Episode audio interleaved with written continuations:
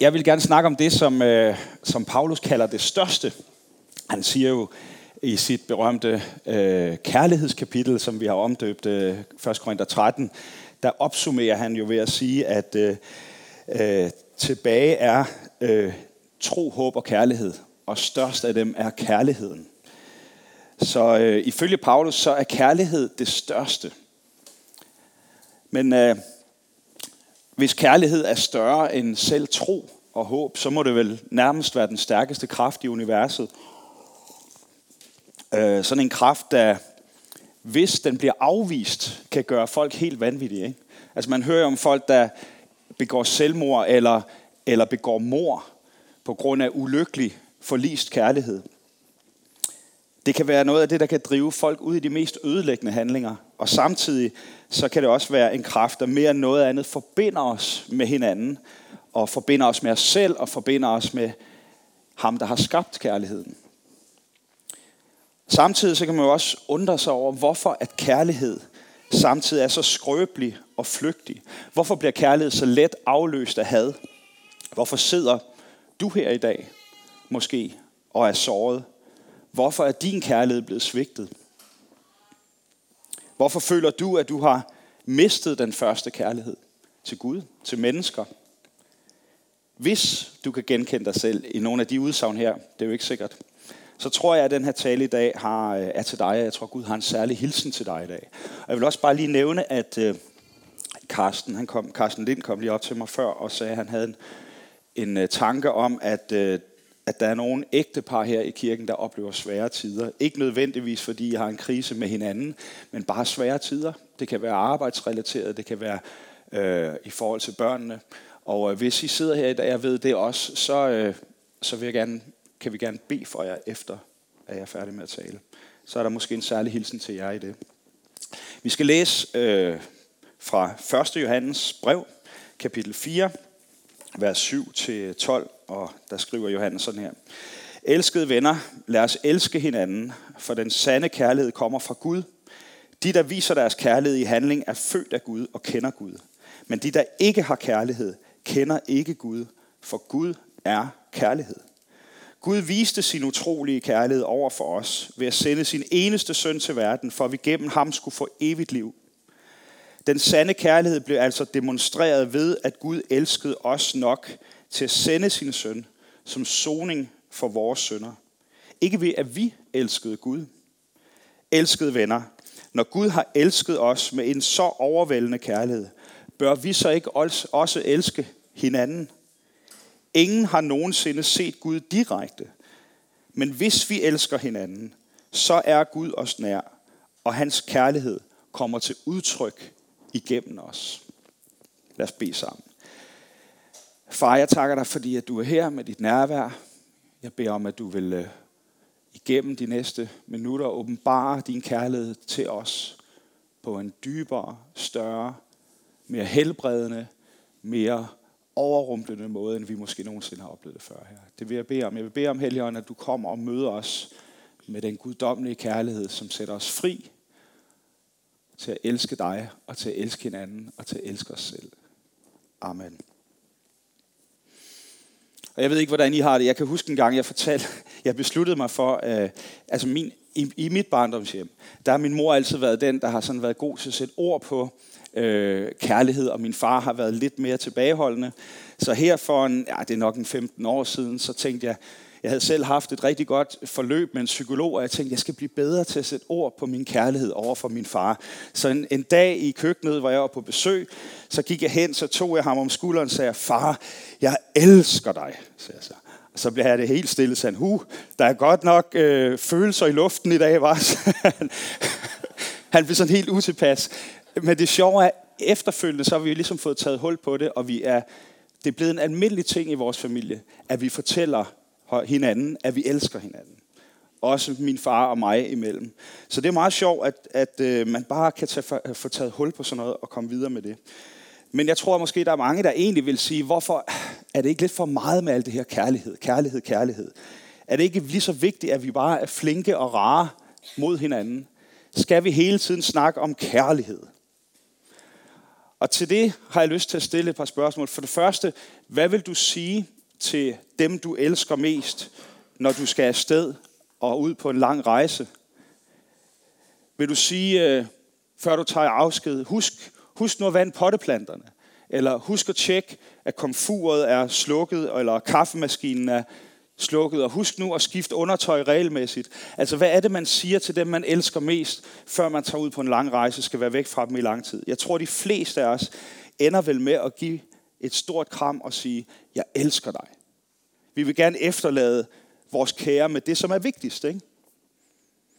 I øh, forbindelse med de forfærdelige terrorhandlinger mod World Trade Center, der registrerede man bagefter, hvad det var for sms'er, der var blevet sendt ud fra de her to brændende tvillingetårne øh, på det her tidspunkt, hvor folk var klar over, at de kunne ikke længere, så ikke længere ud til, at de kunne redde livet. Og øh, det var ikke sådan nogle ting som øh, husk at få omkonverteret billånet, eller køre bilen til service. Nej, det var selvfølgelig ting, der handlede om kærlighed. Nogle af sms'erne handlede om, om øh, forsoning i brudte relationer. Folk, der vidste, at det her, det er måske det sidste, jeg får mulighed for at sige til den her person, finder ud af, hvad er det, der er vigtigst. Kommer til i dybden med det, og her finder vi, at kærlighed er det, der ligger nedenunder, det er det, der er vigtigst. Paulus han siger det sådan her til galaterne i øh, Galateren Galaterne 5, 6 og 5, 14. Det eneste, der betyder noget, er den tro, der leves ud i kærlighed. Og hele Toraen, altså Gamle Testamentet, er samlet i en befaling, nemlig kærlighedsbud. Du skal elske din næste som dig selv. Og Jesus han siger i sin ypperste præstlige bøn, jeg har vist dem, hvem du er, og det vil jeg fortsætte med, for at den kærlighed, hvormed du har elsket mig, må være i dem, og jeg må være i dem. Jesus han træder ind i den her jødiske verden, hvor religion er bundet op på over 600 forskellige love og regler. Altså hele øh, hele samfundet, det jødiske samfund, er sandet til i religiøse lovbud, som er blevet føjet til, lidt ligesom øh, vores øh, lov i Danmark, der man tilføjer ekstra love for at helgardere mod andre love, hvor der er smuthul og så videre. Og det jødiske samfund på det her tidspunkt var sandet til med over 600 forskellige lovregler. Så kommer Jesus ind på scenen og siger, ved hvad, hele loven er bundet op på det her ene bud. Elsk Gud og elsk din næste. Det handler simpelthen om, hvordan du gennem kærligheden til din næste synliggør kærligheden til Gud. Det er så enkelt og samtidig så ekstremt udfordrende. Det er udfordrende, fordi at kærlighed, som vi opfatter det i dag, på så mange måder er redefineret i forhold til det, som øh, skaberen havde i tanke, da han skabte den, og da han skabte os til at leve i den. For det første så kunne man kalde, øh, man kunne kalde det forskellige ting, men for eksempel kunne man kalde det Hollywood-kærlighed. Den her tanke om, at det at elske de næste, det må helst ikke føles udfordrende. Det skal ikke føles for udfordrende for dig selv. Du skal vælge, hvad der føles bedst for dig. Føles det bedst at have en affære, jamen så gå ud og have en affære. Så gør det. Føles det bedst at få hævn over en, der har behandlet dig uretfærdigt, så søg hævn. Føles noget lykkeligt, jamen så gå efter det, gå efter din egen lykke, også selvom det nogle gange er på bekostning af andre mennesker omkring dig. Jeg havde en samtale med øh, Maria og Morten Lundbak Hinge, Maria som leder øh, lovsang her i kirken. Og hun sagde det her, jeg synes, det var en rigtig god point. Hun sagde, problemet er, at vi er skabt til at modtage mere kærlighed, end vi kan give. Så hvis man kun orienterer sig mod et andet menneske, som kilden til kærlighed, så vil man med garanti altid ende med at blive skuffet. Altså, vi er egentlig skabt til at få mere kærlighed, end vi kan give. Så hvis vi tror, at vi skal have den kærlighed fra andre mennesker eller fra ting, så vil vi i sidste ende altid have garanti for skuffelse. Og lige så stærkt det er, at Gud er kærlighed, lige så ødelæggende er det, hvis kærlighed bliver Gud. Og hvis vi lytter til sangene, der bliver spillet i radioen, hvis vi ser filmene, der kører på tv og på de forskellige øh, sendeflader, så tror jeg egentlig nok, at vi kan konkludere, at kærlighed på mange måder er blevet Gud i vores samfund. Og det har det måske altid været. For det andet så taler vi om grænseløs kærlighed, og det lyder jo smukt, at tingene er uden grænser. Grænseløst, det må da være det bedste, eller hvad? Men kærlighed, der ikke sætter grænser, er dybest set en syg kærlighed, vil jeg påstå. Børn, som vokser op forvirrede og grænseløse. Kærligheden uden rammer gør det næsten umuligt at indgå i en social sammenhæng. Fordi man lærer ikke at sætte sig selv til side for det fællesskab, som man er en del af. Det er grænseløst. Man lærer ikke empati. Man udlever sit sociale liv på distance gennem sociale medier. Eller man befinder sig i, som børn måske i en familie, hvor der er brudhed. Hvor kærligheden er erstattet af ligegyldighed. Eller simpelthen manglende evne til at vise kærlighed på grund af misbrug, på grund af sygdom, på grund af splittede familier. Alt det her det er med til at fostre børn og unge, der ikke ved, hvordan udlevet kærlighed ser ud i praksis. Og derfor har så svært ved at elske naturligt. Grænseløs kærlighed modsiger guddommelig kærlighed ved at våge at påstå. Fordi guddommelig kærlighed sætter grænser. Grænser, der beskytter og hjælper os. Også igennem skiftende værdier i samfundet igennem århundreden for, hvad kærlighed er. Guddommelig kærlighed sætter grænser og hjælper os til at forstå, hvad er kærlighed egentlig, og hvad er vi skabt til at elske. Hvordan er vi skabt til at elske? Og for det tredje, så er der jo også det her faktum, at kærlighed altid gør sårbar. Fordi hvem af os har ikke prøvet at miste nogen? Hvem af os har ikke prøvet at øh, skulle sige farvel enten til en, vi, øh, som, som dør fra os, eller en, som forlader os? Og vi ved, hvor ondt det gør. Vi ved, hvor smertefuldt det er at miste nogen, som vi virkelig elsker. Og risikoen er altid, at vi distancerer os. Tør vi blive ved med at elske? Tør vi blive ved med at lade mennesker komme tæt på? Med risikoen for at blive såret. C.S. Lewis han siger sådan her, jeg synes den er god, jeg har sat den op her. To love at all is to be vulnerable. Love anything and your heart will be wrong and possibly broken.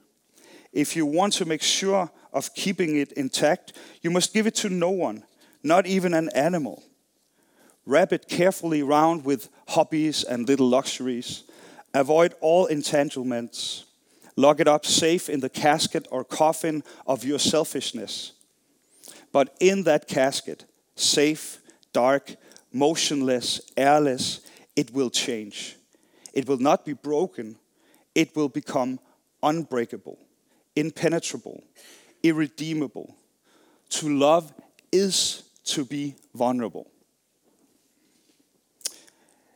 Hvis vi går tilbage til teksten og til Johannes, så sætter han ord på og, og viser en forståelse af kærlighed, som står i skarp kontrast til de her ting, jeg lige har refereret til.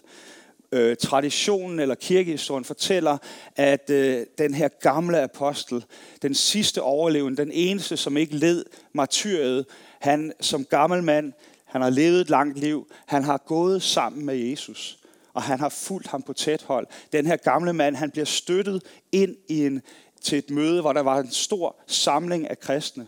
Og alle var spændt på, hvad vil han sige? Hvad er det, som, hvad er det den opsummerede viden af et langt liv med Jesus? Og traditionen fortæller, at apostlen Johannes, han åbner munden og siger bare to ord. Elsk hver andre.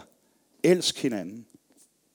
Og i en verden af brudt, misforstået, selvcentreret kærlighed, så sætter den her gamle apostel ord på selve indbegrebet af, hvem vores himmelske far er, og hvorfor Jesus kom.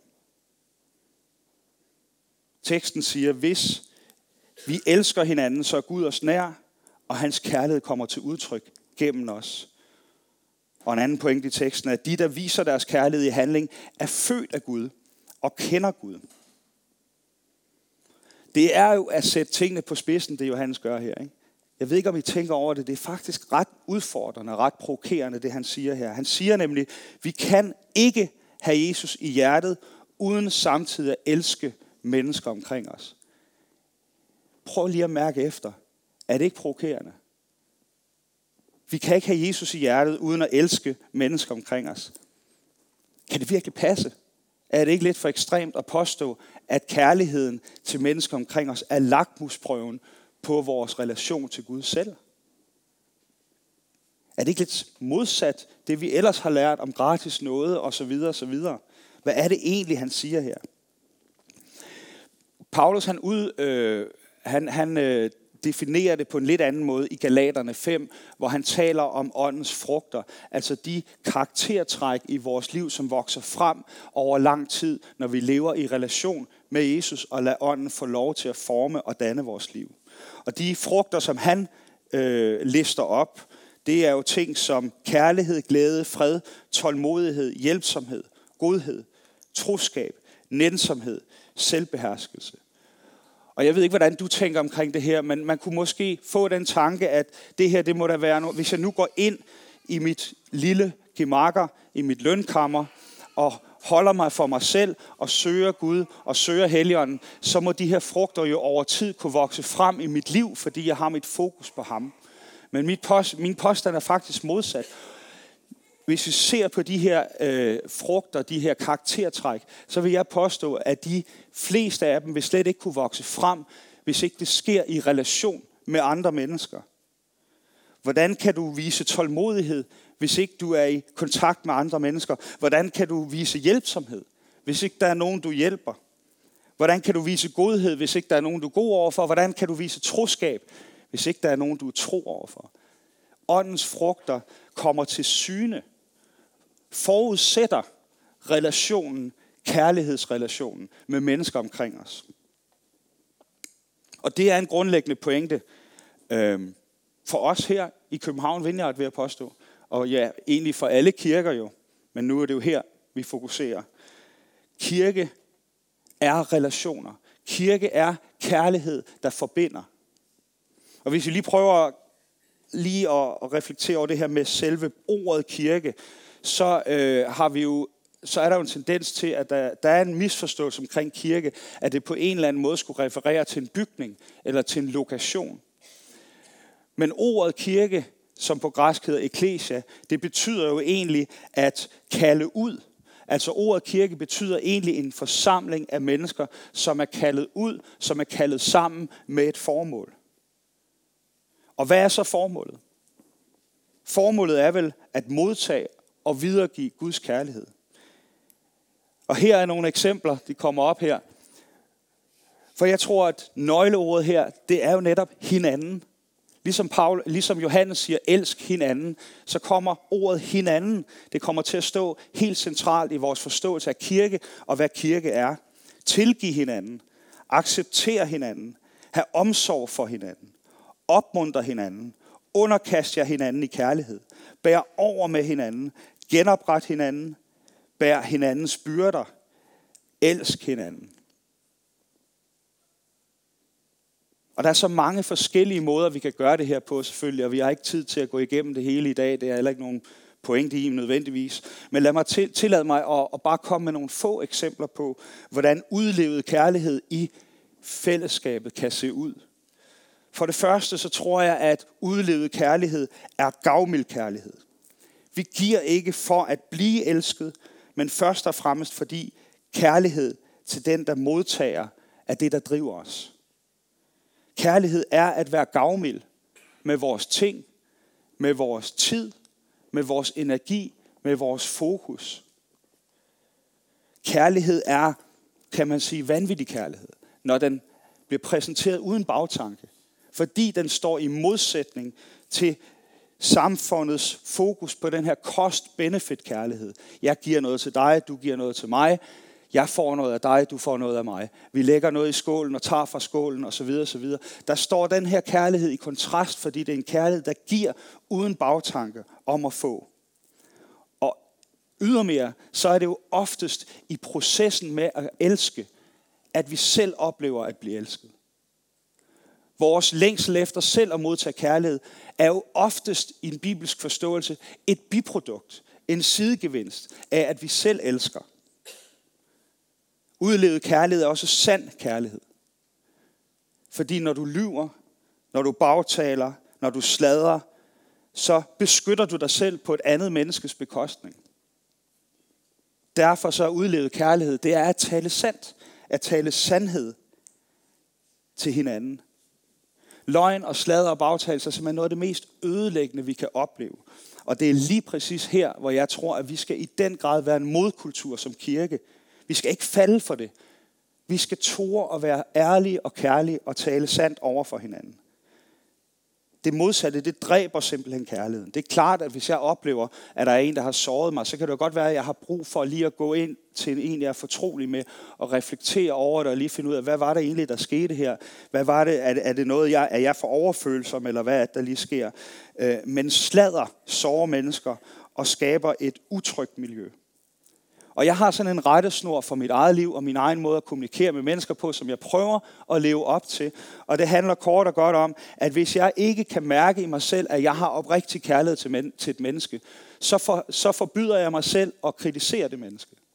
Hvis ikke jeg kan mærke, at jeg har en oprigtig kærlighed til et menneske, så går jeg slet ikke til det menneske med noget kritik. For hvis ikke det, der stråler mest ud af mig, er min kærlighed, så tror jeg, at min kritik bliver destruktiv. Det er bare min personlige tanke. Jeg ved ikke, om jeg altid lykkes. Hvis jeg nu kommer til dig med et eller andet, så kan du jo spille det kort mod mig og sige, jeg mærker ikke din kærlighed, Hasse. Så det der tager jeg ikke imod. Så har jeg jo ligesom spillet mig selv skak med det, ikke? Ja, Jamen, jeg har tillid til jer. Udlevet kærlighed er også trofast kærlighed. Kan mennesker stole på dig? Kan de regne med dig? Er der en sammenhæng mellem det, du siger og det, du gør? Det modsatte af troskab utroskab. Noget af det mest sårende overhovedet i relationer. Både i menneskelige relationer, men faktisk også i vores relation til Gud. Hvis du tænker over det, så er det vel en rød tråd i Gamle Testamente. Gud tilgiver sit folk, folket er utro. Gud må straffe folket for at gøre det opmærksom på sin utroskab. Folket beder om tilgivelse.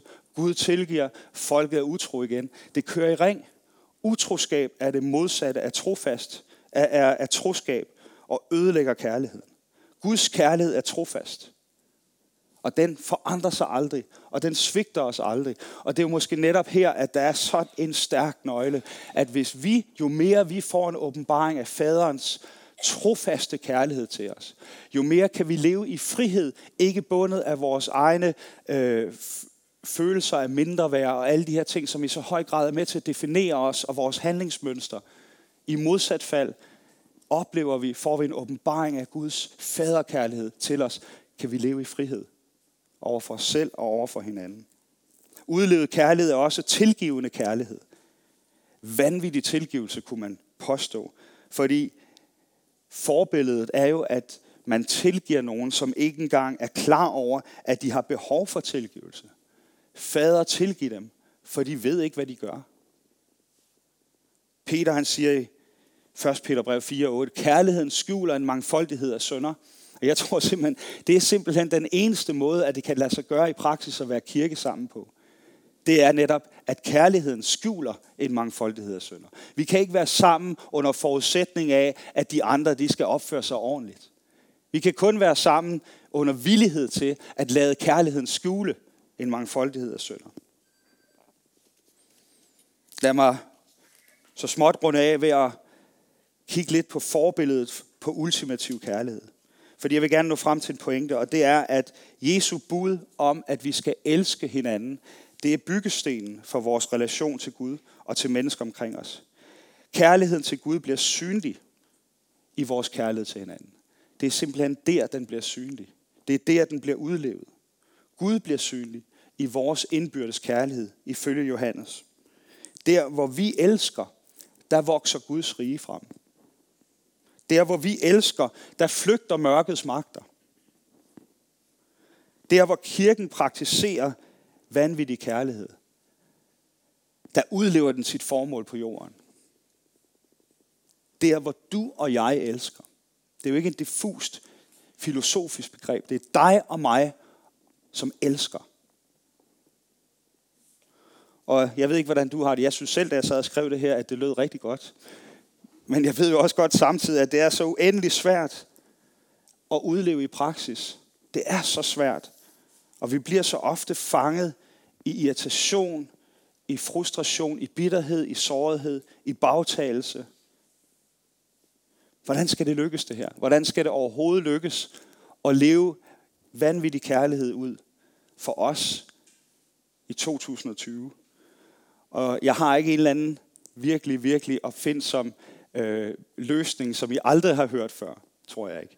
Men jeg tror, at det hele, det er jo bundet op på et menneske, som udlevede næste kærlighed på så uhørt et niveau, og satte en standard så vanvittig, at vi alle sammen taber vejret, når vi betragter det.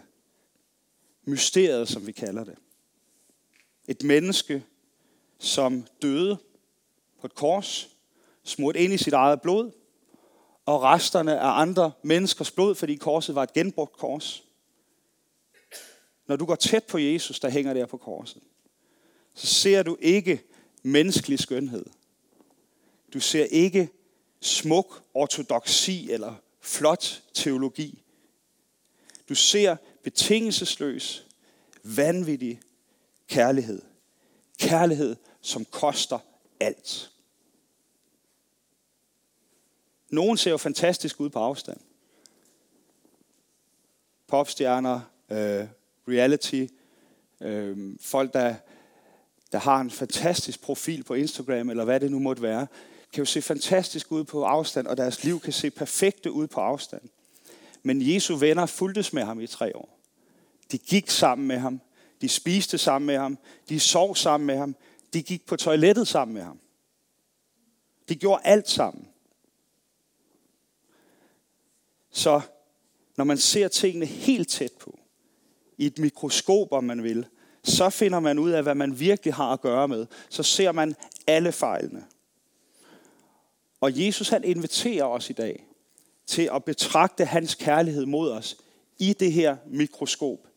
Han inviterer os tæt på. Han inviterer os til at teste hans kærlighed. Den kærlighed, der helbreder. Den kærlighed, der kan være med til at gøre os til den, vi virkelig er, inderst inde på det dybeste plan. Og for nogle af os, så inviterer han os måske til at genopdage hans kærlighed. Den kærlighed, der sætter os fri til at elske andre. Efterhånden som hver eneste fiber, hver eneste celle i vores krop bliver mere og mere fyldt op af hans kærlighed. Og det er hans kald, det er hans invitation til dig og mig i dag. Dybest set, det er faktisk enkelt, selvom det også er kompliceret.